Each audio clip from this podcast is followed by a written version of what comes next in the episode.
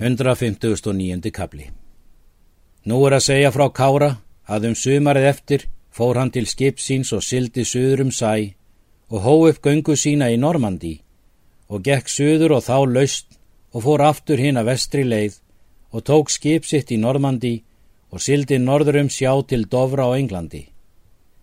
Þann sildi hann vestur um Bretland og svo norður með Bretlandi og norður um Skotlandsfjörðu og létti eigi fyrr en hann kom norður í Þrasvík á Katanesi til skeggja bonda. Fjekk hann þá þeim kolbin og dagviði byrðingin.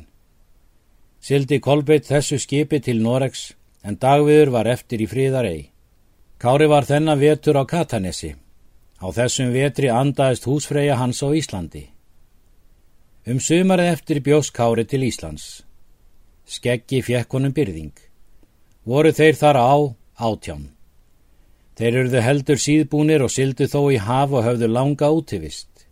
En um síður tóku þeir Ingóls höfða og brötu þar skipið allt í spón en þó var mann björg. Kafa hríð var á. Spyrja þeir nú kára hvað nú skal til ráða taka en hann sagði það ráð að fara til Svínafells og reyna þekkskap flosa. Gengu þeir þá til Svínafells í hríðinni. Flosi var í stofu. Hann kendi Kára er hann kom í stofuna og spratt upp í móti honum og myndist til hans og setti hann í hásæti hjá sér. Flósu bauð Kára að vera þar um veturinn. Kári þá það. Sættust þeir þá heilum sáttum. Flósi gifti þá Kára hildigunni bróðurdóttur sína er höskuldur kvítaneskoði, hafði átta. Byggu þau þá fyrst að breið á.